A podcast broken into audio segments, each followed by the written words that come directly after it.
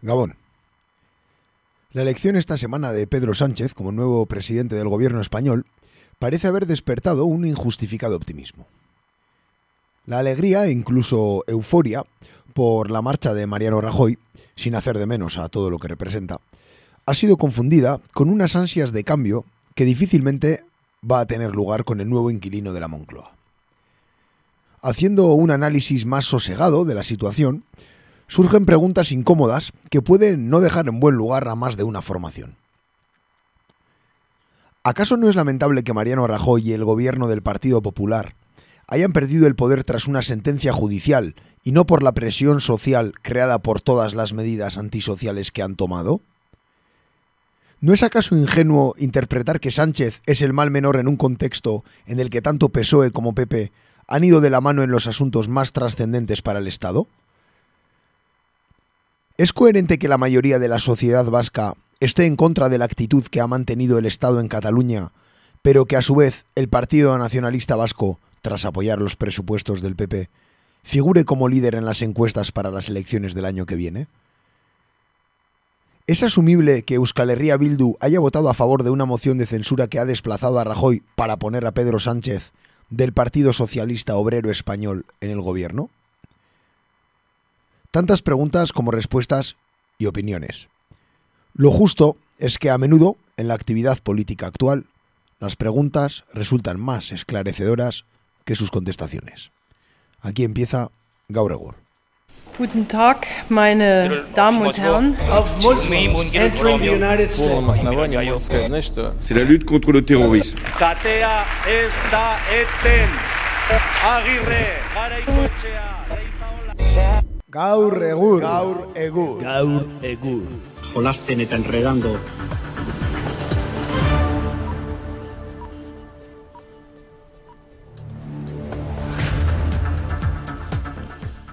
Arratsaldeon entzule, e, eta lehenik eta behin barkamenak zuzenean entzuten ari bazara, zortzirak eta hogeta bost minutu dira, inoiz baino beranduago hasi dugu, eta aspaldiko partez, arazo teknikoak, ongi etorri zuri ere? Mi esker bai, gabon, e, guzti hori esan bezala, bueno, arazo teknikoak eh, gaur kontan, berriro ere arazo teknikoetan basikoena, ez? Bai, atea ezin genuen iriki, berriz ere ez dakit bombina aldatu beharko dugu noiz bait, zeren berriz ere, ba, atea ezin irikita egon gara, hogei minutu irrati kanpoan, e, ba, ba tontorpeiarekin. Duari gabe, bai, duari gabe horrela izan da, baina bueno, azkenean eh, lortu dugu itxitako ate hori zabaltzea, eta gaur ere, ba, bueno, saiatuko gara informazioaren bidez, isten dizkiguten ate horiek zabaltzen ere. Hori da, gaur egurreko ba, irugarren zutabe nagusia gaurkoan e, falta zaigu, baina nala ere saiatuko gara alik eta ondoen egiten, eta ba, gehiago luzatu gabe, nahikoa berandu etorri gara eta ba, bertan gaurrekin hasiko gara, oraintxe bertan.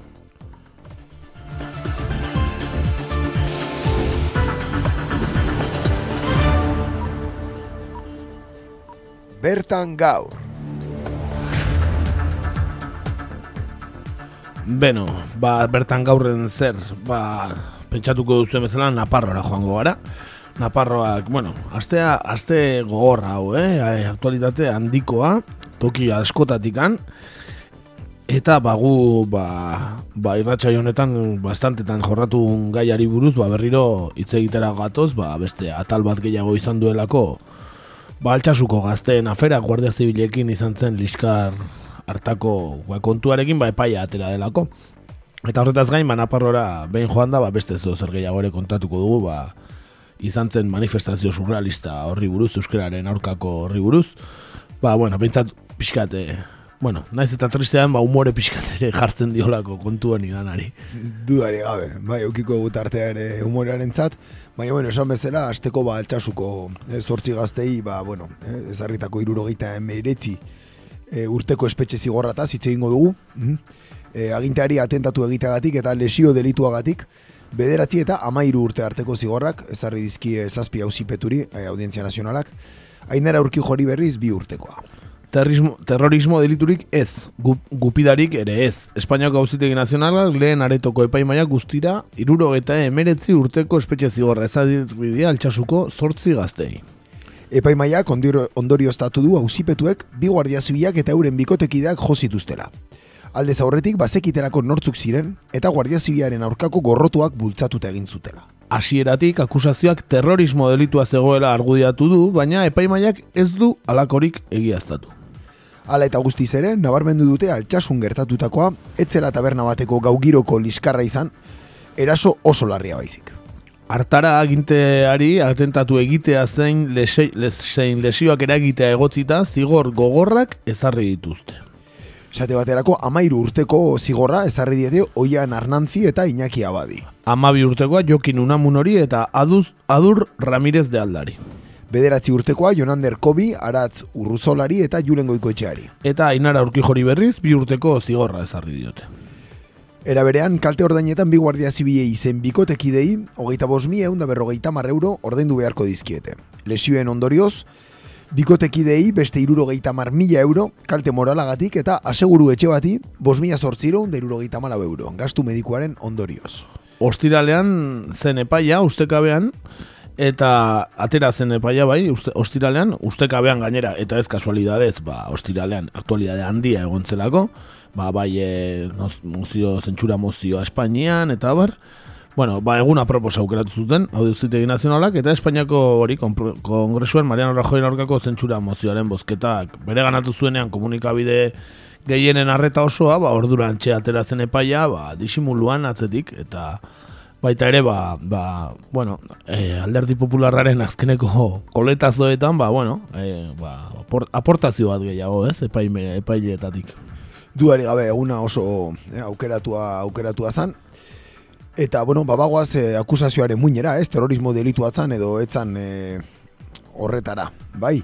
E, bueno, esan bezala ez da egiaztatu, eta gertaerak terrorismotzat joote zitezken, e, ba, bueno, denok eh, galdetzen genion gure buruari, eta hori izan dauziaren muina eh, hasieratik. Eta e, erabakigarria izan da uzitegi nazionalak kasua bere gain hartzeko gainera, ez? E, ba, terrorismoa ote zen edo ez, ba, horregatik anon joan zen e, Iruñako ba, epaitegi provintzialetik ba, e, ba, audientzia nazionalera. Zer gertatu da? Ba, Guardia Zibilaren txosten baten oinarrituta, fiskalak defendatu du erasoa Guardia Zibilen aurkako giro politiko baten ondorio zela, atzean ospa mugimendua zegoela eta guztia etaren estrategia baten eh, ondorioa zela. Epaimaiak atzera bota du tesi hori, aurkeztutako frogak ikusita ondoriozta dezakegu auzipetuek egindakoa ez dela ekintza terrorista. Alde batetik, epaimaiak uste du auzipetuen adina kontuan hartu behar dela. 2008ko urrian, etak behin betiko indarkeria utzi zuenean, auzipetuak adingabeak ziren, eta hortaz, zaila da irudikatzea etaren ideiak bere, bere egin zituztela. Epaimaiaren ustez, asmoak e, aztertzerakoan testu ingurutik kanpo dago Espainiako estatuko segurtasun indarrak Euskal Herritik kanporatzeko etaren helburua eta altxasun gertatutakoa. Bestetik, epaimaiak ezin izan du frogatu etaren eta auzipetuen artean benetako eta egiazko loturarik dagoela. Zigor kodearen 2008ko erreformaz geroztik, gaur egun terrorismoa leporatzeko ez da derrigorrezkoa erakunde bateko kide izatea. Dena den, epaimaiak gogorarazi du, baldintza hori terrorismo jihadistaren fenomenoari erantzuteko ezarri zela, eta kasua hortik kanpo dagoela. Dena den, azpimarratu du gertaerak nabar, nabarmen larriak direla. E, ala ere, naiz eta ez den terrorismoaren, e, bueno, onartu terrorismo moduan ba, eraso hori, ba, ala ere beste del, delitu batzuk egon dira, eta ikusten dugu bezala, ez, ba, ba, urte askota, askotako zigor dituzten delituak izan dira. Epaimaiak e, sinegar, sinesgarritasun osoa eman die bi guardia zibilen zein euren bikotekiden kontakizunari, eta lekukotza argia irmoa biribila izan da, bat etorri dira esan du, gainera, eta bakigu hori ere, ez zela gala izan. Ez, froga ugari zeuden onartu ez zirenak, eh, hori, ba, bueno, kontra ez zitzen zutenak. E, epaimaiaren arabera, koska taberna barruan, zein kanpoan, modu basatian kolpatu zituen, ze, e, zituzten, markatu, zehaztu gabeko pertsona kopuru batek. Eta horietatik zortzi auzipetuak identifikatzea lortu dute. Era berean, zalantzari gabe ondore aztatu du Guardia Zibilak izateagatik jo zituztela. Epaimaiaren ustez, e, kontrajarria da auzipetuen zein biktimen jarrera. Auzipetuek muturreko sentipena eta intolerantzia azaldu bazuten, Guardia Zibilek alderantziz, oso modu profesionalean jardun zuten provokazioei eta indarkeria ere erantzun gabe, dio sententziak. Epaiaren arabera, Guardia Zibilak ez balira etzen alakori gertatuko eta alde horretatik garrantzia emana izan dio istilua izan eta gutxira altxasura joan ziren foruzainen testigantzari. Alde batetik, foruzainek egiaztatu zuten koskaren inguruan bildu zirenek bazekitela, erasoa jaso zutenak guardia zibilak zirela. Bestetik, tentsio handiaren ondorioz istiluen aurkako unitateak eskatu zituzten. Istilu soil bat bazen, ez zegoen horretarako beharrik. Horregatik frogatutzat jodu aginteari eraso egitearen delitua. Lesio delituen aurrean, akusazioak balio osoa eman die aurkeztutako mediku txostenei, eta defentsak aurkeztutakoi aldiz ez.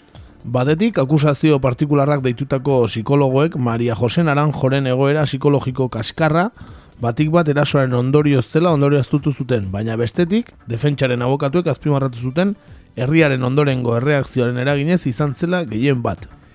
Bestetik, defentsaren medikuek auzitan jarri zuten lesioen larritasuna, eta ondorio estatu zuten tenientearen orkatiaren austura, biurdura handi baten ondorioz izan zela.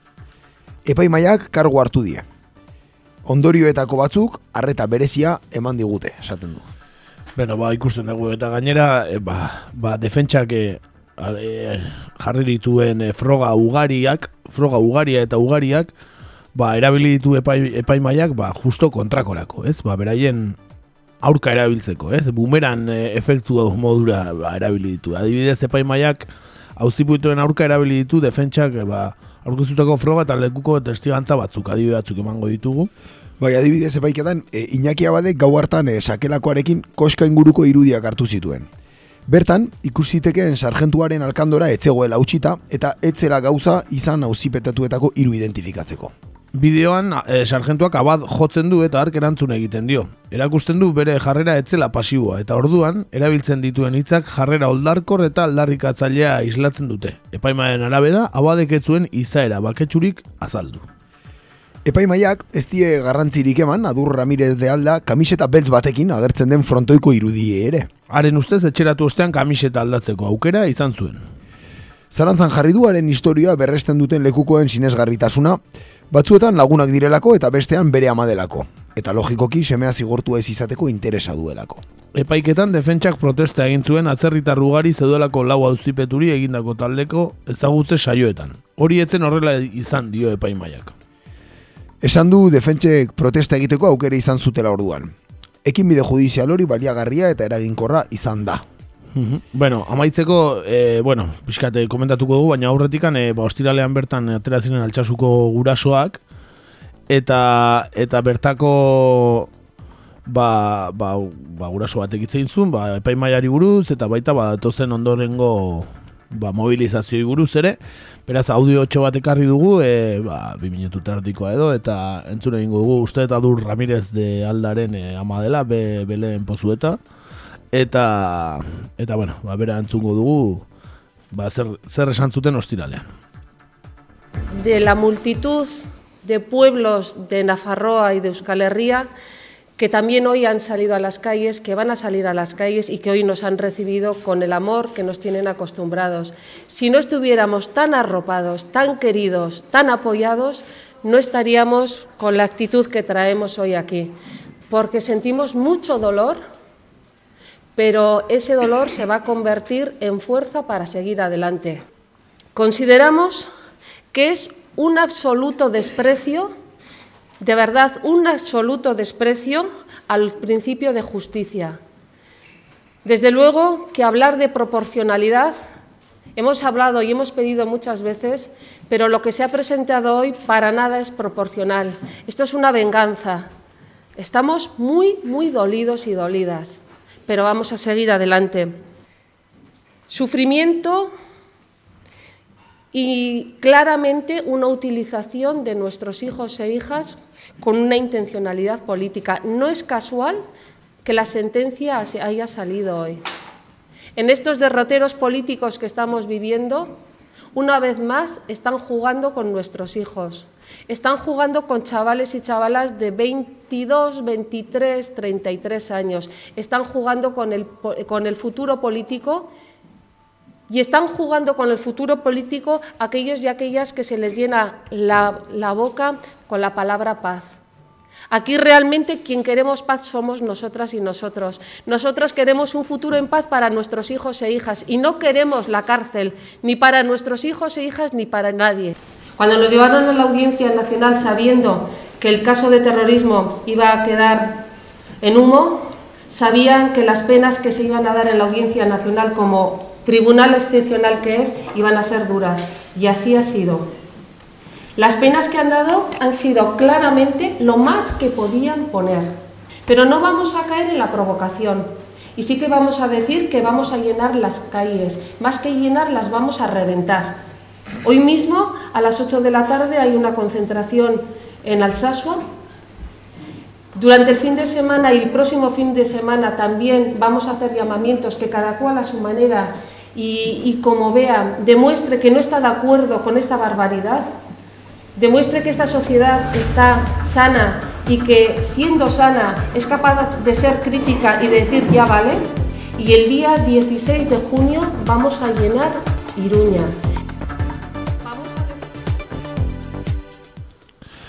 Ba, hortxe, Adur Ramirez de aldaren amaren badirazpenak, eta entzun ahal izan dezuen bezala, ba, datorren ekainaren amaseian, eh, ba, Iruñan manifestazioa izango da, eta berak esaten duen bezala, vamos a llenar Iruña, vamos a reventar las calles, esaten du.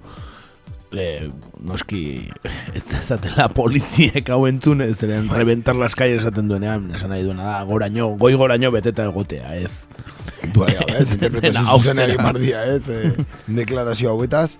E, bueno, esan bezala, ba, ba hoxe, ez, epai azkenean iritsi da, eta eta oso gorra, ez, e, nik uste dut nahiko demostratuta gedituela, arazoa etzela. E, baita ere zen, ez, baina etzeran nagusiki terrorismoa zan edo etzan, Zeren eta terrorismo ez izanik ere amairu urteko kondenak daude tartean, Bai, bai, bai, bai. Hamaikakoak, Eta zortzikoak. Esan dute etzela ba, e- etaren estrategiaren barneko ezer, nazatik hori ere esaten zuten. Bai. Baina nala ere, ere naiz eta izan lesioak eta eta esaten dut ere bai, e, a, a, nola da, e, ataque a la autoridad edo, ez? Bai, atentado a la autoridad, atentado a la autoridad. Bueno, ba, mairu urte, eta, bueno, esan behar da, ba, lis, liskarrak horrelakoak asko daudela urte osoan zehar, eta poliziekin asko, gertatu zen aljetira zen aurrekoan, ez? bai, Baina, bai, bai, bai, bai, Baina kristona. urantxe bertan Naparroan ere epai, epai bat egonda eta izan da bi eta eta zazpi hilabete arteko kartela zigorra eta ez da itirureun euroko multa e, ba, guardia zibil batekin liskar bat eukizutenean tabernan e, Naparroan bertan, eh? Bai, bai, bai, bai, osea, bueno, argi, nahiko argi dago, ez? Peiketa honen atzetik, eh, ba, bueno, egondan eh, asmo politikoa, ez? Ba, dudarik gabe, erabat, erabat politizatu da eta erabat e, injustoa, ba, bueno, askotan hitz egin dugu jarratxo honetan kasu honei buruz, tamalez, Eta, bueno, ba, fase bat amaitu da, orain, eh, bueno, pentsatzen dut egongo diola reklamazioak, eta ez, ba, epaitegi desberdinetara joko dutela. E, baina, bueno, fase bat amaitu da, atal nagusi bat amaitu da kasu honena, eta benetan e, bukaera tamalgarria eta lotxagarria izan duela. Lotxagarri, lotxagarri kasu honetan, e, bueno, e, gertatutako guztia, ez, hasieratik epaiketa guztiz, e, bueno, irregulartasunez beteriko epaiketa izan da, batez ere, ez, ba, e, bueno, ba, defentsako abokatuen e, frogen inguruan, ez, eukitako jarreraren gatik. Eta, eta baita ere guztiaren inguruan egin den interpretazio mediatikoa eta politikoa, ez? Ez da bat ere et, koktel bat izan da, ez? Denak eukidu bere zerikusia, ez? Sententzia honekin. Eta, eta bueno, hemen ondorioak, ez? Bai, bai, erabateko ondorioak eta benetan hori, bat amalgarria, eh, altxasuko herriari besarkada bat eta familiari eta eta kartzelan daudenei, zeren gaina bosteun egunetik gora egon dira preventiboki kartzelan, esan behar dago, urte, urte eta erdi, baina goiago egon direla. bai, bai. eta eta bueno, ba, badirudi ba, beste beste puska baterako baukatela kartzelan, ba sententzia eh, entzun eta gero. E, esan bezala ez da kasualitatean noiz atera den sententzia ere, e, ez da bat ere kasualidadea, eta, bueno, hala ere, bueno, Espainian izan duen oi hartzuna izan da, ba, bueno, epai justua izan dela bezala, bet, e, alderdi askotatikan, e, horrela baloratu dute, epai justu bat bezala. Bai, egia, gero azkenean, e, bueno, askotan erabilitako maniobra bat ere ikusi da hor, ez? E, irurogeita iru urteko petizio fiskal bat egiten duzu, e, ama iru botatzen dituzte, ez? Ja, badirudi, ez? Gauza desente murriztuela, rekurritzen duzu, eta eta agian horren erdi erortzen zaizu, bale, ados, ba, sei urte eta erdi erorita ere, kasu honenean, e, bueno, e, ez du ezer justifikatzen e, taberna baten egondako borrokaldi baten ondoren sei urte eta erdi botatzearena, ez? Inundik inora, inundik inora, benetan, e, bueno, benetan lotxagarria bat gehiago, Espainiar justiziarena, bat gehiago. Baina kasu honetan, ba, ba, bueno, ba, benetan lotxagarria, ba, hori, ba, ze kontestutan gertatu den, e, nola gertatu den, eta eta gainera ikusita, ba, ba, akusatuetako asko, ba, bueno, defentsak, e, bueno, erakutsi duela, edo bentsat, e, iritzi publikoan e, Euskaldunok ala ulertu dugu, erakutsi dutela, asko ez, ez zeudela ez da bertan, no? Bueno, bai, bai, bai, ala, ala izan da, eta eta oso froga konkluyenteak ziren, ez, azkenean, ez? E, lehen komentatu duguna, bai, agian etxera juntzan eta kamiseta aldatu zuen, hombre, bai, claro.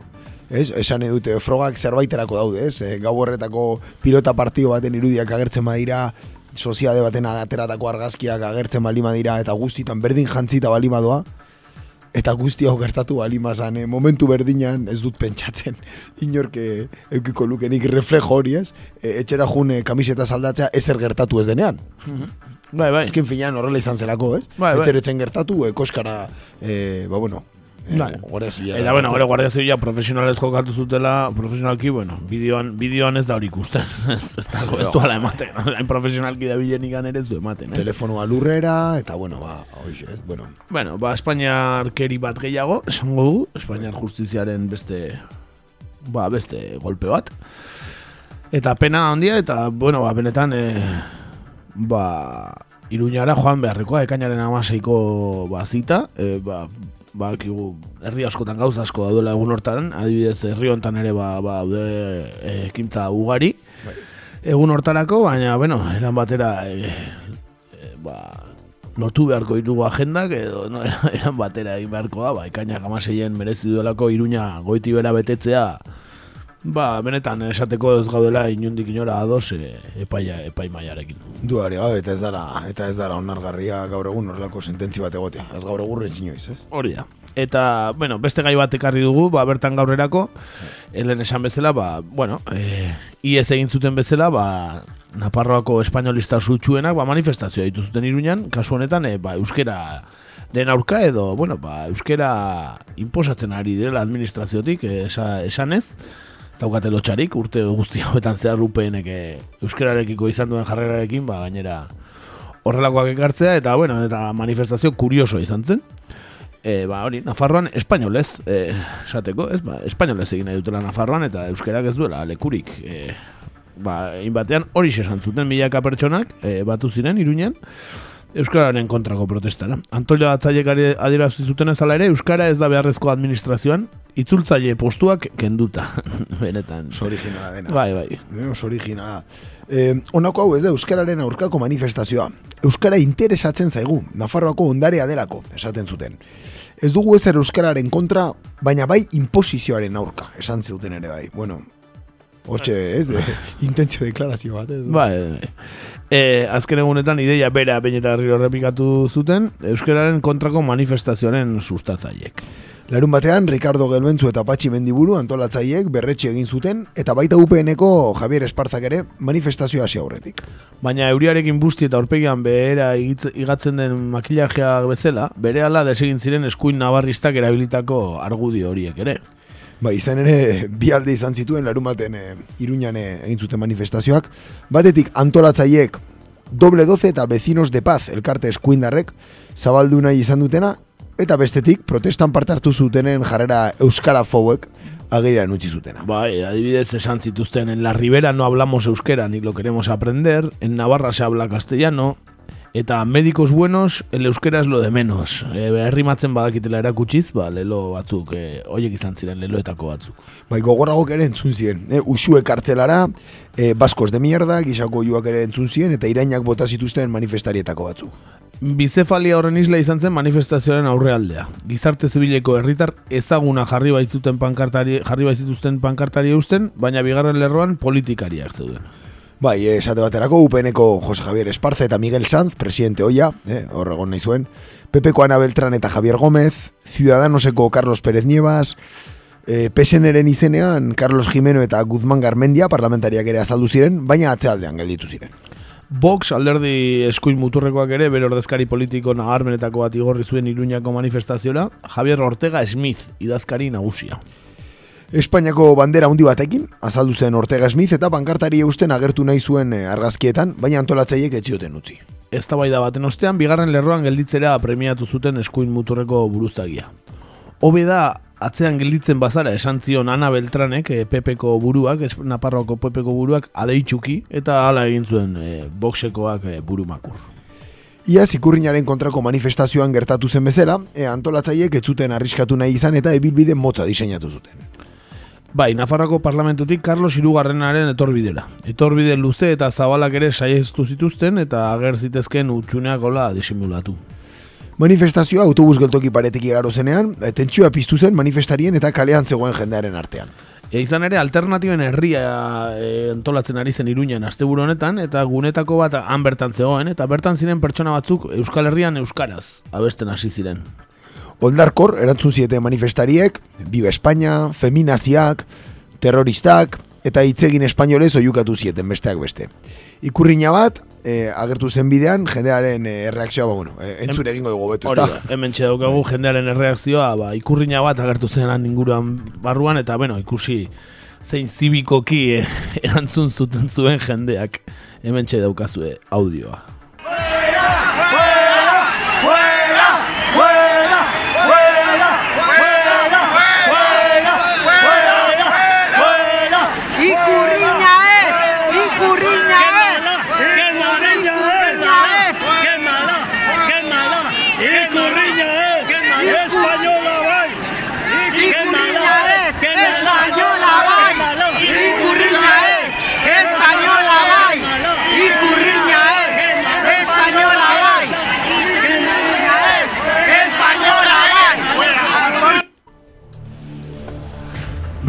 Hori, ikurri, ikurriña ez. Eh?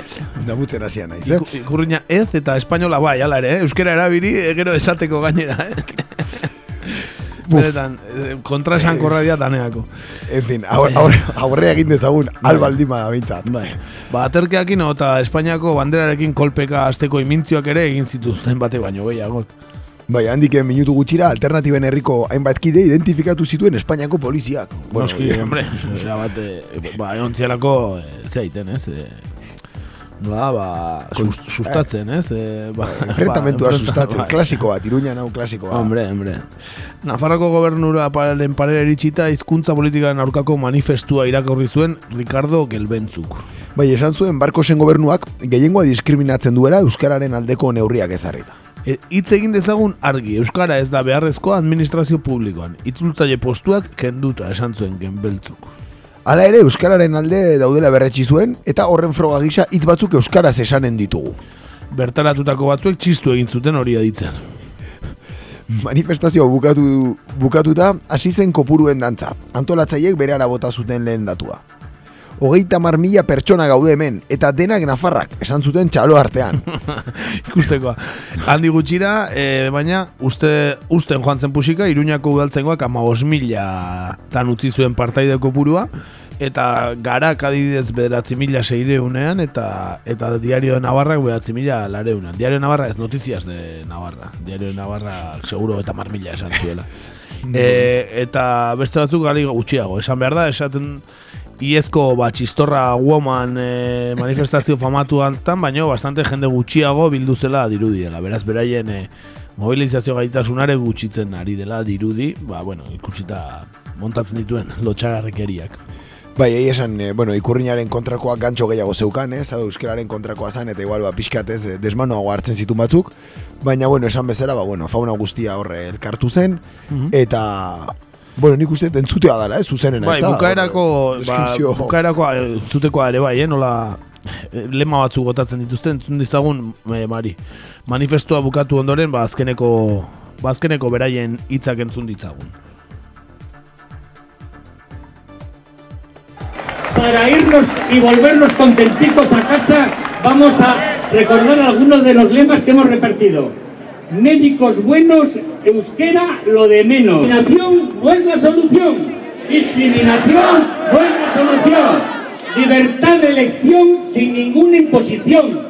Libertad de elección sin ninguna imposición. Igualdad, igualdad, igualdad, igualdad. Euskera sí, discriminación no. Euskera sí, discriminación no la imposición del euskera solo trae a los de fuera. La discriminación del euskera solo trae a los de fuera. Una buena educación no necesita de imposición. Una buena educación no necesita de imposición. Por hablar en castellano no quiero ser discriminado. Por hablar en castellano no quiero ser discriminado. ¡Viva Navarra! ¡Vamos a ver el fútbol! ¡Aupa Osasuna!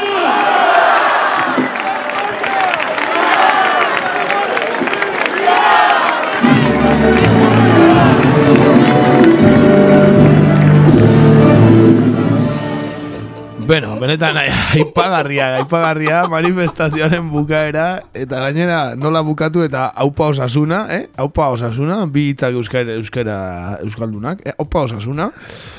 Eh, bueno, benetan lotxagarria, eh? Benetan lotxagarria. Bueno, igualda, igualda. Markau, markau, eh. Ez, ez, ez, Es que gaina, nola batek esan, gero danak errepikau, es que benetan, benetan, eh, benetan. ematen zuen. Bai, mesa bat ematen zuen, Bai, bai, hori bai. azteko, eh? Eta gero, Borregismo bat, baina ikaragarria, ikaragarria. hau posasuna. Bai, bai. Baina, eh, pero, gaina, harritu inau. Es que, harritu inau, eh? Bueno, y para acabar la manifestación, irnos contentitos a casa, hori Bai, esan du hasiena. Bai, bai, bai. Vamos a repetir unos lemas, o Bai, sea, bai. Eta adibidez esan du, Euskera sí, diskriminación, no. Bueno, hori euskeraren alde daudenak ere, eh, bueno, firmatuko lukete, eh? Desde luego, desde Libertad de eh. elección, esan du. bueno, eh, ba, eskola askotan, eh, guraso asko nahiko lukete aukeratzeko, ez, eskubidea, beraien, eh, ba, seme alabek ze euskuntzatan ikasi, adibidez. dudanik, a Eh, ver, bueno, benetan, bueno, benetan, eske, eske, es que ez dago hitzik hau, eh? Nik bai, bai, pentsatzen dut gero ez da gutxio izango diala. Naiz eta alderdi politiko ordezkaritza asko zeukaten. Ez nik espero dut gero ez da gutxio izango diala zenen.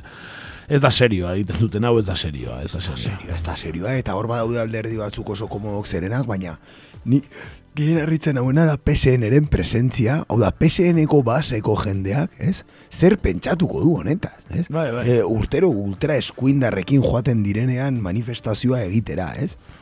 Bueno, benetan lotxagarria. Eta gero bukaeran gainera haupa osasuna, entzuten da, ezta? Bai. Ba, gero bukaera buk, hor, entzuten zaio pertsona bati, esaten, viva España, viva, viva la Guardia Civil. Bueno, ekarri dugu zeren gainera, ez da edozein, baizik eta esan dugun e, boxeko e, idazkari nagusia den Ortega Smith, e, ber, bera da, Espainiako bandera handi batekin, bera da, bulla egiten duena, ba, haupa osasuna eta gero, ba, Viva España eta viva la Guardia Civil esan behar da, altxasuko en, e, epaia aurreko gunan ateratzela.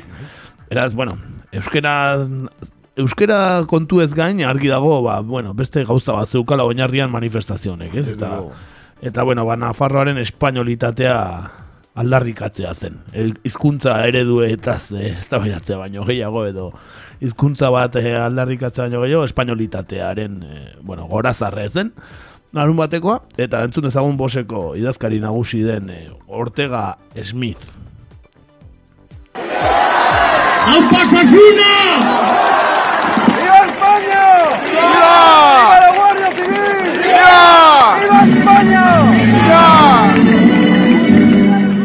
Bueno, ba, argi geratu da, ezta?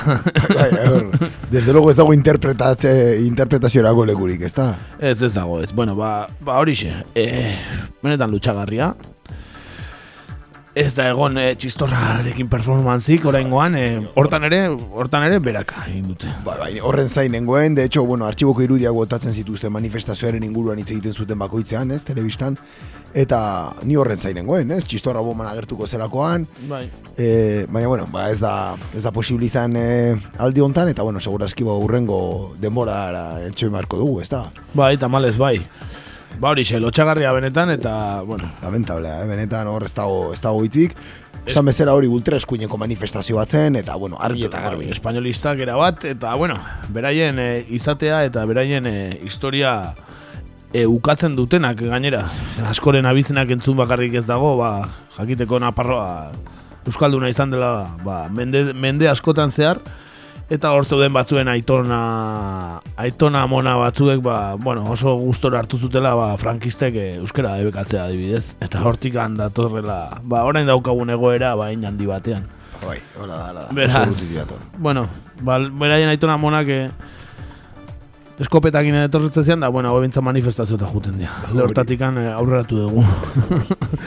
bueno, ba, besti bat ekarri dugu, eta ba, nola ez, ba, Naparroko talde bat ekarri dugu, ba, Naparroko talde ezagunenetako bat. Zein bestela, bueno, naiz eta jotzen dutena ez Naparra izan, Napar Mexa baizik, Bai. Cojon Prieto y los Guajalotes ekarri ditugu, izan ere entralea euskera buei abestia, eta ba, euskera ikasteko ba, ikastea aldarrikatzen zutenak edo, bueno, eh, animatzen zituztenak entzuleak, ba, Cojon Prietokoak, e, ba, entralea euskera buei abestitzarra, eta, ba, a ber, jende animatzen den euskera ikastera beraien, bere aurka manifestatzea lehen beharrean.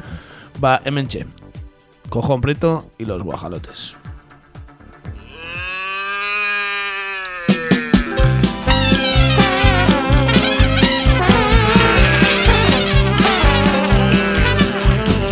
Pues qué onda,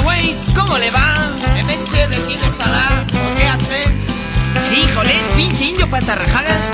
Pues es que no le enseñaron a platicar en cristiano. es cristiano ni que chingada, pues no ve que es euskara.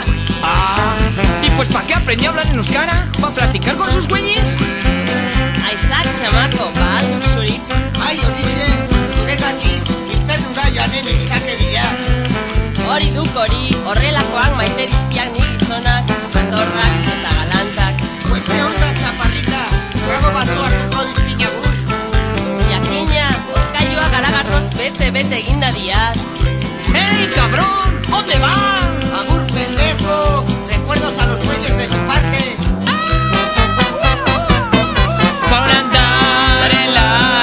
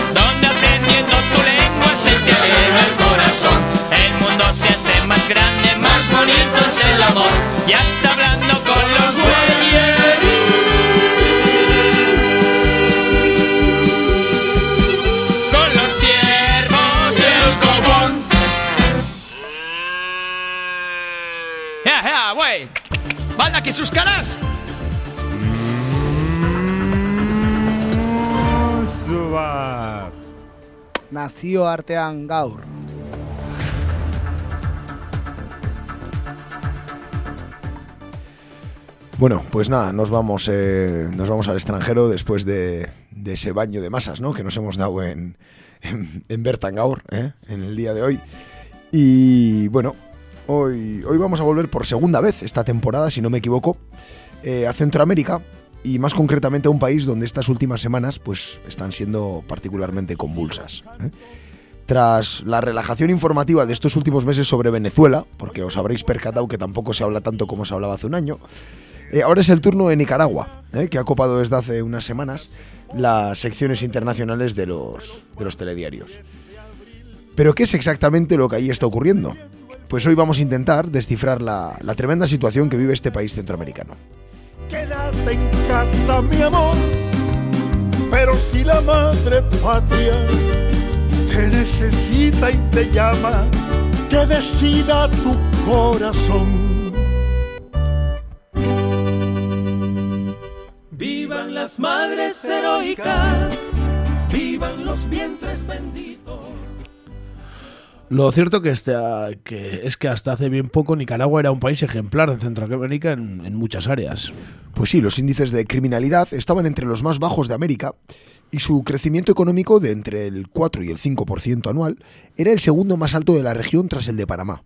Era uno de los países de la zona con mayor reducción de la pobreza absoluta y el único país de la región que producía el 90% de los alimentos que consumía.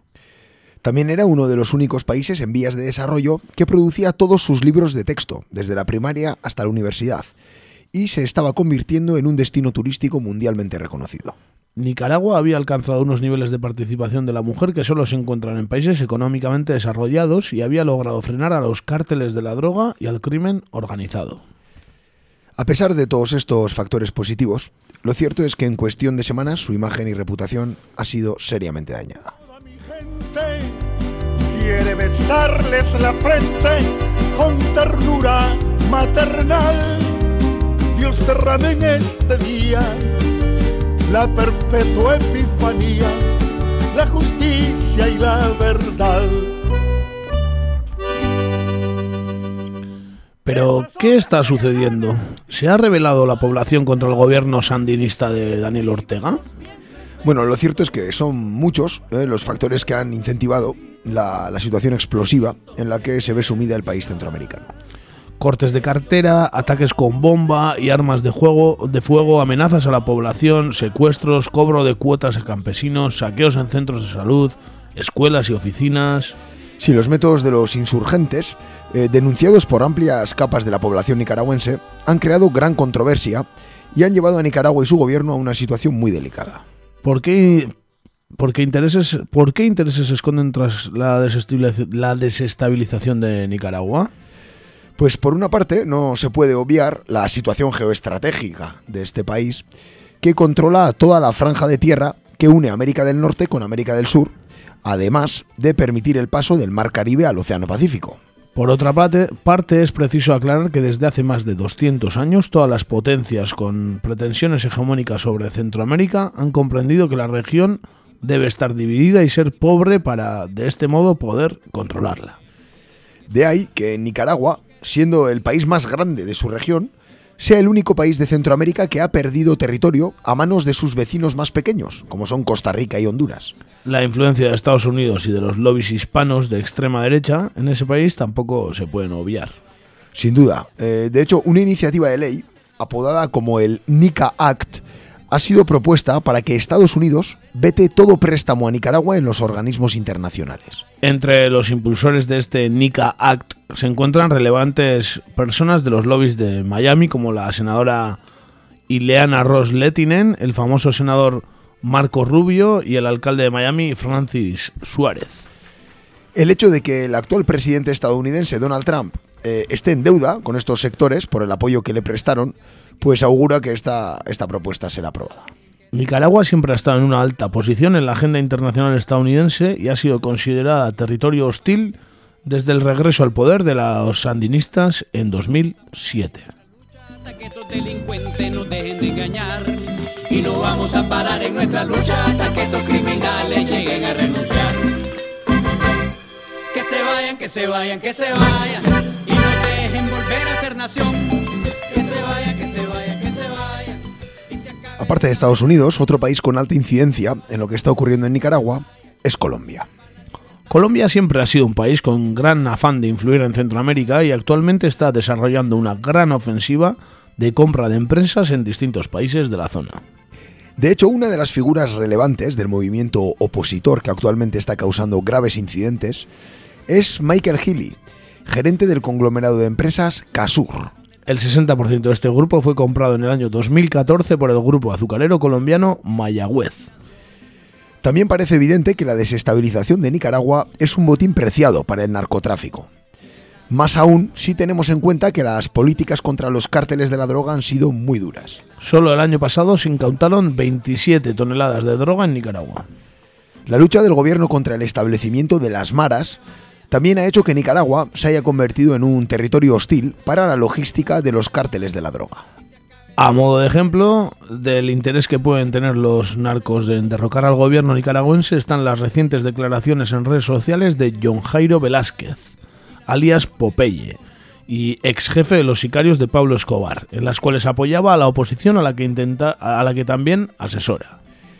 Sí, aparte de bueno de este apoyo explícito ¿no? de ciertos conocidos narcos, el ultranacionalismo colombiano, representado por el archiconocido Álvaro Uribe, eh, también ha sabido sacar tajada de lo que ocurre en Nicaragua y usa a menudo el caso de la recuperación por parte de Nicaragua en noviembre del 2012, tras un fallo de la Corte de la Haya, de unos 90.000 kilómetros eh, de, mal ter- de mar territorial que antes estaban bajo administración colombiana. Es decir, es un filón para, bueno, exacerbar el nacionalismo y hacer en contra de Nicaragua. Bueno, y también tiene sus contactos con el cártel, ¿no? El señor Álvaro Uri- Uribe Vélez tampoco... Desde luego, Puede que sea el mayor. Su reputación le precede, ¿no? y vuelva la libertad de expresión. Que se vayan, que se vayan, que se vayan. La paz volverá a la población. Que se vayan, que se vayan, que se vayan. Que se vayan, que se vayan, que se vayan. Hoy me está demostrando que es el gobierno solidario. Por supuesto, las presiones internas también están jugando su papel en esta crisis. Sí, la alianza entre la élite financiera local y las élites mediáticas y eclesiásticas están incidiendo sobremanera sobre la situación. El emporio mediático de la familia Chamorro, firmemente antisandinista, con el diario La Prensa como buque insignia, están teniendo una gran repercusión a la hora de dar eco y crear un estado de opinión sobre los violentos sucesos de estas últimas semanas. Otra maniobra más que ha tenido su repercusión en lo que ocurre han sido los cursos de muchas ONGs internacionales, fundamentalmente europeas y estadounidenses, quienes han puesto en marcha desde hace ya unos años campañas de cursos de liderazgo que han sido denunciados por haber preparado a cuadros de los movimientos violentos que actualmente actúan en el país. A modo de ejemplo, varios dirigentes de Oxfam están en el país incorporados en las filas de la oposición actualmente. La Iglesia tampoco ha querido perderse esta posibilidad de subversión, de subversión perdón, contra el sandinismo. Relevantes miembros de la jerarquía eclesiástica nicaragüense, en contra del llamamiento al diálogo y a una salida práctica hecho por el Papa Francisco, han actuado como portavoces de los golpistas, llamando abiertamente a la insurrección armada. Como un río de sangre inocente que en la primavera de su juventud cegaron sus vidas aquel 19. ¿Cuántos años se han perdido? ¿Cuántas vidas se han destruido? Bueno, pues si tienen... Bueno, no sé, no sé hasta cuánto de problemas habrá creado Daniel Ortega o cuántas cosas habrá hecho mal y cuántas bien, pero bueno, solo leer la lista de enemigos que tiene, no sé, hace decantar a un- sea uno a otro bando, ¿eh? Sí, la verdad es que, bueno, es, son muchos factores, ¿no? Una vez más, ¿no? Como suele pasar en, en este tipo de maniobras que normalmente, y a datos me refiero, eh, suelen estar auspiciadas por Estados Unidos y por la CIA, ¿no? Son expertos en eso. Eh, parece ser que, bueno, pues que ahora el último, el último caballo así de batalla es Nicaragua. Y volviendo al último reportaje que hicimos esta temporada sobre Nicaragua, obviamente no es casualidad que Nicaragua haya firmado con China eh, pues bueno, la concesión, la concesión del canal de Nicaragua, que va a hacer la competencia al canal de Panamá y que tiene muy buena previsión económica, lo cual puede ayudar al país a, bueno, a económicamente prosperar de, de una manera muy notable, ¿no? Sí, claro, y bueno, y a tener a un gran aliado que es una potencia mundial, ya que estamos viendo que la mayor potencia mundial está, está metiendo bastante cizaña en el, en el país, ¿no? Desde hace, bueno, desde hace décadas y ahora también.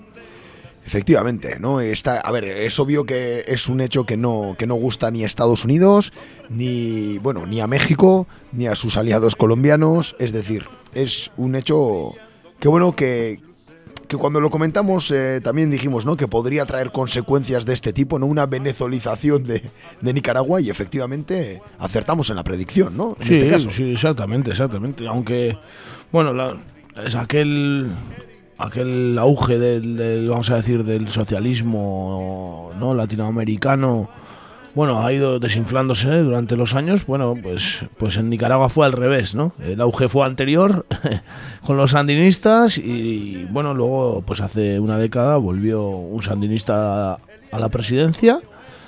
Y bueno, pues claro, eso no gusta de ninguna de las maneras y bueno, intentan todas las armas que tienen, que son muchas, tanto la mediática como la militar, como la de organizar sublevaciones, ¿no? Eh, teledirigidas y demás. Efectivamente, ¿no? Y luego parece, el modus operandi es bastante parecido en todos los países, sobre todo de Centroamérica, Sudamérica, ¿no? Cuando se trata de este tipo de conspiraciones. Y, y bueno, si nos damos cuenta, lo que ha ocurrido en Venezuela es un poco lo que, lo que están haciendo en Nicaragua, ¿no? Parece que el manual es el mismo, ¿no? Empezando por las sanciones económicas, ¿no? Que están ya al caer de manera muy dura. Es decir, si no hay préstamos, va a ser muy difícil para el gobierno poder seguir desarrollando ciertas políticas, ¿no? Que hemos comentado antes. Y por otra parte, volviendo a- al interés eh, al interés que tienen de que China tenga la menor incidencia posible en el continente americano, ¿no? Sí, claro, todo, todo influye. Es que, bueno, eh, Centroamérica también es, es zona estratégica, sin ningún tipo de duda. Y claro, no es casualidad que China quiera entrar ahí al trapo y, bueno, no es casualidad que, que Estados Unidos lleve décadas intentando controlar todo lo que es el continente americano. No, no sé. No se queda solo con su territorio, sino que lo que quiere es todo el continente americano de arriba hasta abajo, ¿no? Efectivamente, ¿no? Y luego, a ver, es verdad también que las consecuencias pueden ser pueden ser muy importantes, ¿no? El empeoramiento, si esta desestabilización sigue, sigue incrementándose, eh, la verdad es que puede, podemos asistir a una crisis humanitaria, ¿no? Podemos asistir a que haya mucha gente que tenga, en caso de, en caso de guerra, ¿eh? me refiero, de guerra civil, de que mucha gente tenga que huir del país, eh, obviamente dirección Estados Unidos, ¿no? Es lo, lo que suele ocurrir, ¿no? Sí, dirección. Colombia no cogerán, no. No, no me parece, ya, ya veremos, ¿eh? Pero... por historia y luego es verdad también que, que es un, un dato relevante es que eh, el único país de todo Centroamérica que escapa a un colapso social, político, eh, es Nicaragua. O sea, es el- uno de los países más estables de, de Centroamérica. Eh, no hay más que ver los países fronterizos, ¿no? No hay más que ver Honduras, que es el país con mayor tasa de criminalidad del mundo. No hay más que ver cómo se encuentran Guatemala, El Salvador, Belice, países que están arrasados por las maras, por el narcotráfico. Y son problemas que en Nicaragua, eh, bueno, se han sabido gestionar de cierta manera por los poderes públicos de manera bastante eficiente, ¿no? Entonces, bueno, pues ahora toca ver qué es lo que va a ocurrir, pero hablando mal y pronto tiene muy mala pinta. Sí, sí, acaba de empezar y ya veremos cómo, cómo va lo que, lo que queda de año y ya veremos cuánto dura esto. Porque la verdad es que, bueno, cuando empiezan así las situaciones, eh, ya sabemos cómo acaban, ¿no? Desgraciadamente. Sí, de hecho, no es la primera vez, ¿no? Que, Nicaragua vive estas injerencias externas, ¿no? Eh, bueno, se, se vio con la contra, ¿no? Durante, pues bueno, ¿no? los años de la revolución sandinista, ¿no? De la materialización de la revolución y bueno, pues ahora habrá que ver qué es lo que ocurre y cuáles son los métodos que se emplean, ¿no? Parece que han, entre comillas, ¿eh? por decirlo así, han optado por el método blando, ¿no? Desestabilizar un país eh, supuestamente por factores internos, ¿no? Exactamente, ¿no? La oposición y, bueno, los altercados callejeros y demás.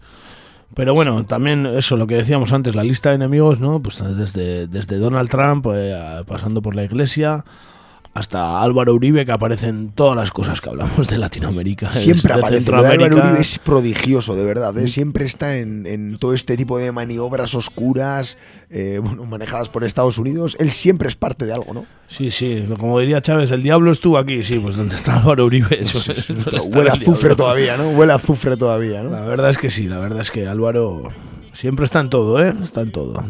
ya fue presidente de Colombia, ahora, ahora ya ni se presenta, ¿no? Suele, suele presentar algún delfín, ¿no? Eh, Eso es, sí, ahora, eh, bueno, es el- siempre es la referencia de la, de la extrema derecha, ¿no? En Extrema Colombia. derecha colombiana, muy, muy. eh, bueno, siempre se le ha involucrado con, con los gr- grandes narcotraficantes. Nunca sabremos si él ha sido es uno de los narcotraficantes. Efectivamente, ¿no? Pero bueno, de ultraderecha y muy poderoso. Muy poderoso, muy poderoso y ha tenido mucha incidencia también en Colombia con todo este tema de, del proceso de desarme de las FARC, en crear una, un estado de opinión en contra de todo lo que se está se hizo un referéndum que ganaron además, ¿no? Y fue el mayor impulsor. O sea, tiene todavía mucho poder y mucha relevancia. Y también en asuntos internacionales, pues como el que hemos comentado hoy, ¿no? Al final es. Pero bueno, se, haremos un seguimiento como siempre, ¿eh? seguimos atentos a todo lo que comentamos y bueno, pues. A Nicaragua también. Eso es, esperamos que las próximas noticias sean mejores que estas. Ya veremos, ¿no? Está teniendo algo de comediático, aunque tampoco nada que ver con lo de Venezuela por ahora. No, no, no. está Pero bueno, de tiempo al tiempo, ya veremos. Efectivamente. Déjale a Germán Terz que empiece a tuitear por Nicaragua y, y ya verás. No le costará mucho, ¿eh? No, está está no a creo, puntito. No creo. Bueno, ¿Hemos traído una canción o qué? Siempre, siempre. ¿eh? Traemos una canción, eh, bueno, y de vez en cuando nos permitimos un capricho. Pues es lo que hemos hecho hoy. Eh, hoy hemos traído una canción, eh, ya que hemos hablado de Nicaragua, de, de un disco de The Clash, eh, que se llama Sandinista. Si no lo habéis escuchado, es un disco estupendo y Triple maravilloso. disco, además, ¿no? Triple disco, que se vendió a precio de uno, por cierto. Eh, para que todo el Esas cosas ya no las hacen, ¿no? Ya no, eso ya no se lleva. Richard la sacó, pero bueno, tenía seis, seis canciones cada disco. Eso ¿no? es, no llegaron ya eh, a las casi 40 canciones que tiene el sandinista de The Clash. Es una canción que se llama Washington Ballet, eh, las, las balas de, de Washington, y que habla de la situación en el, en el mundo en, en los años 80 y hace un poco una crítica, pues bueno, del papel de Estados Unidos en, en Nicaragua precisamente, también en demás conflictos, y bueno, pues también habla de Afganistán, de la invasión soviética de Afganistán, y bueno, pues, Pues, pues aquí, ahí va. The Clash, disco sandinista, Washington Ballets. Mama, mama, look there. Your children are playing in the street again. Don't you know what happened down there? A youth of 14 got shot down there. The cocaine guns are jammed downtown. The killing clowns, the blood money men, shooting. Oh, Washington bullets again.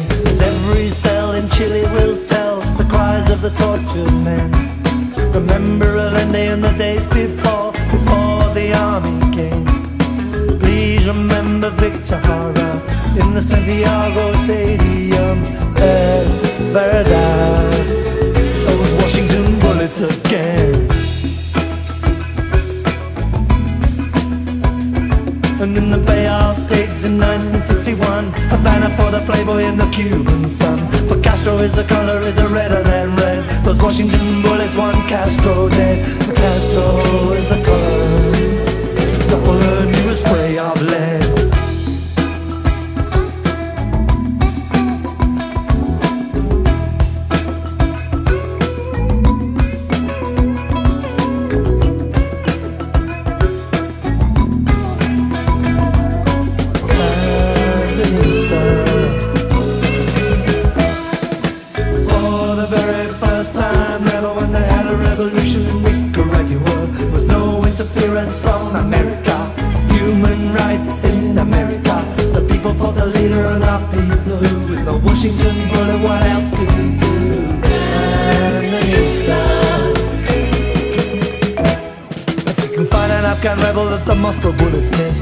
him what he thinks of voting communist oh, Ask the Dalai Lama in the hills of Tibet. How many monks did the Chinese get? In a war-torn swamp, stop any mercenary And check the British bullets in his armory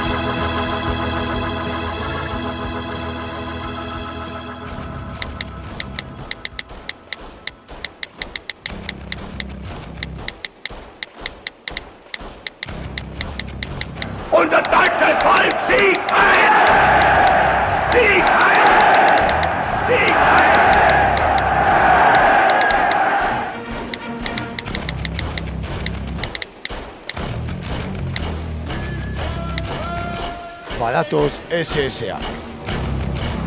Sare sozialetan egur.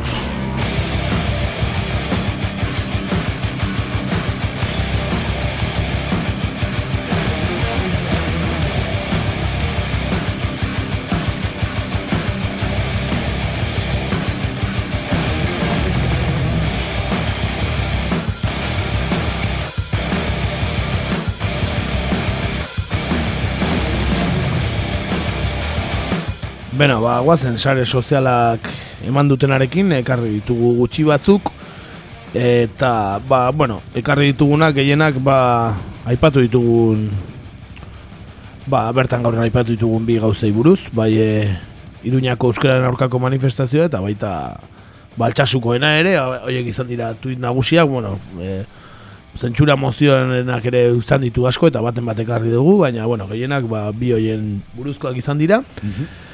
E, hasi gaitezen euskararen aurkako manifestazioarekin eta Santi Leonek hala zioen e, bere bere tuit batean, bere txio batean. Noski, Nafar guztiek dute nire txioak irakurtzeko eskubidea eta ni hemen baskuentzez txiokatzen, barkatu. da, bari. Barkatuta dagoela uste. Bai, uste bai, ez, eskubide berdina daukate, baina bueno, euskara ikasteko eskubidea ere daukate ulertzen ez diotenak, así que ez ikastea daukate, ba, bere txioak ulertzeko nahi badute. Baina, bai, eskubide kontua da guzti hau. Hori da.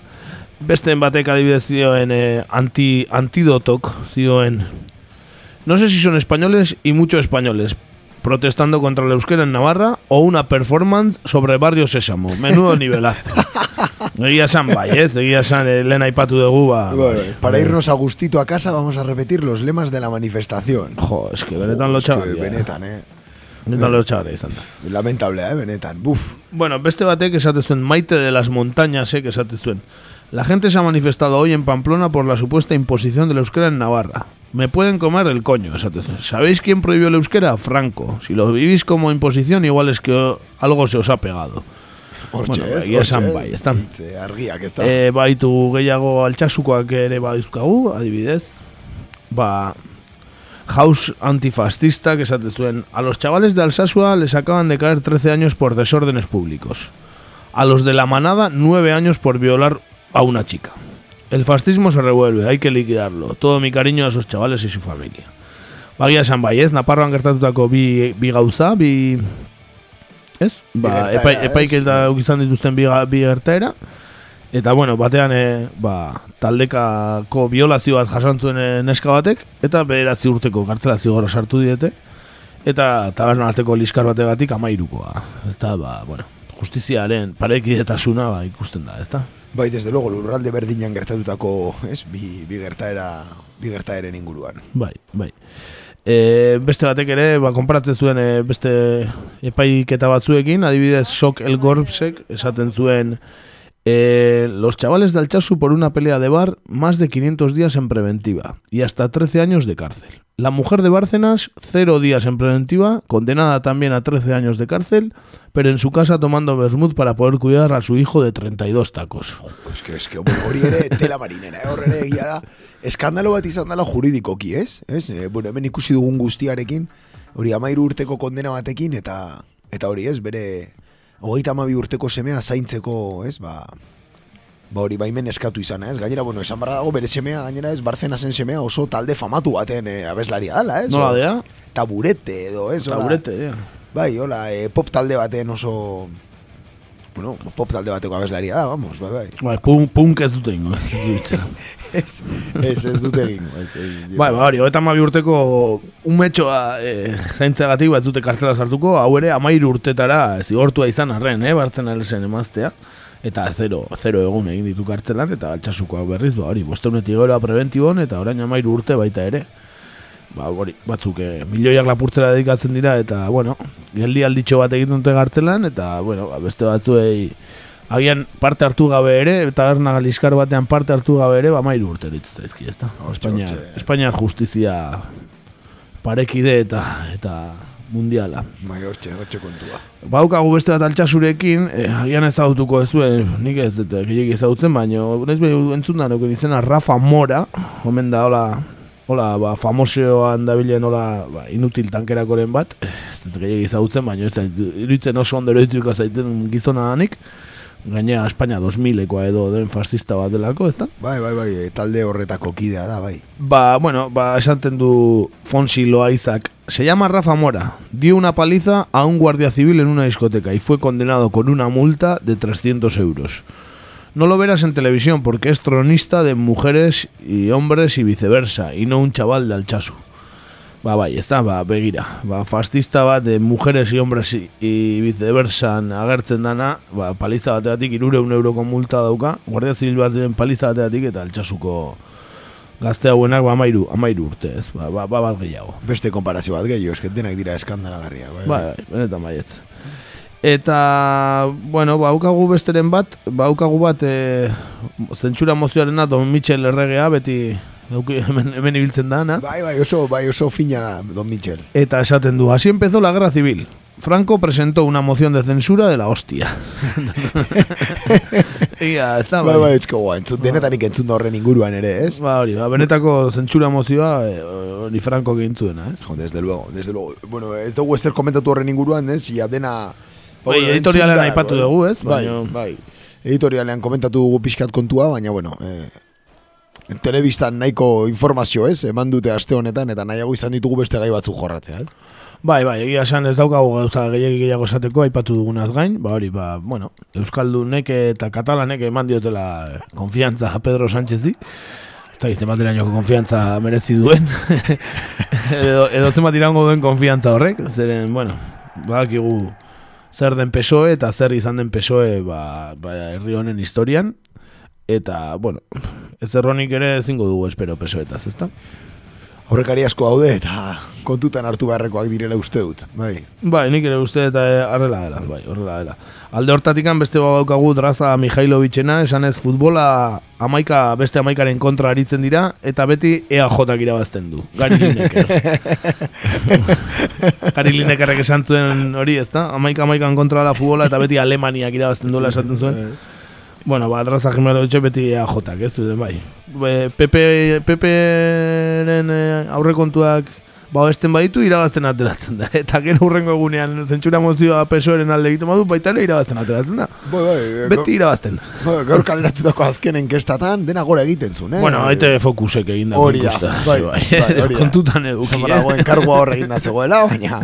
da. Bai, bai, jo, bueno, ete fokusen enkestak ere aipagarriak izaten dira, eh, benetan. Eta, eta gainera, eh, eh, egiteko modua ere nahiko... Esan ezagun nahiko tendentziosoa izaten dela, eh? Bueno, bakigu, ze alderdiren, eh, ba, komunikabidea den, ezta? Naiz eta publikoa dela esaten duen. Eta nasa gazteri gauza batzuk ez zaizkion gustatzen, ba, ba, hala ere, bueno, bakigu. Ba, zean katik egiten duen erren ETBek ere. Eta, bueno, azken bat daukagu nahi badezu, komentatzeko, Bai. ez dakik gehiago dituzunzuk, eta, bueno, ba, Kataluniakoa beti hor dago permen, per, permanenteki, eh, sare sozialetan beti dago, une oro dago zeo zer. Bueno, ba, ba bueno, irratxa honen laguna degun Albert Pla, ezagunak, ba, bo, idatzi zuen bat, eta gainera lotu zuen, ba, ba, benetan gatazka sozialak sortzen dituen kontu batekin, eta zer gehiago, ba, ba txakurkakak baino, kaleko txakurkakak. ez, Klasiko bat, hori da, vamos. Hori ez dago herrita, ez dago herri bakar bat, herritar batzuk horri buruz kejatzen dianak. Hori hori betikoa da. Hori Desde la noche de los tiempos, esaten Ora, oraindik ez bezala, du ikusi alderdi politiko bat bere programan lehenengo gauza txakurkakaren kontra eramaten, baina hori iritsiko da, iritsiko. Joder, eta box izango da. bai, lasai asko, lasai asko. bueno, ba, esaten zuen Albert Plack, si te molestan las mierdas de perro en la calle, píntalas de amarillo y verás que rápido las retiran, ¿eh? ba, Oso ba, bai. eh, bai, bai. Gustura ikusiko nindun polizia gor txakurkaka jasotzen horiz pintauta dorako, baina bueno. Claro, Albert Plauso innovadorea da beti, eh, ez da? Bai, bai, bai, bai, bai, imaginazio handi dauka. Beti aurkitzen du modua gauza kondo esateko. Hori da, hori da. E, ba, ez daukat nik gehiago aipatzeko, ez dakizu baukazun.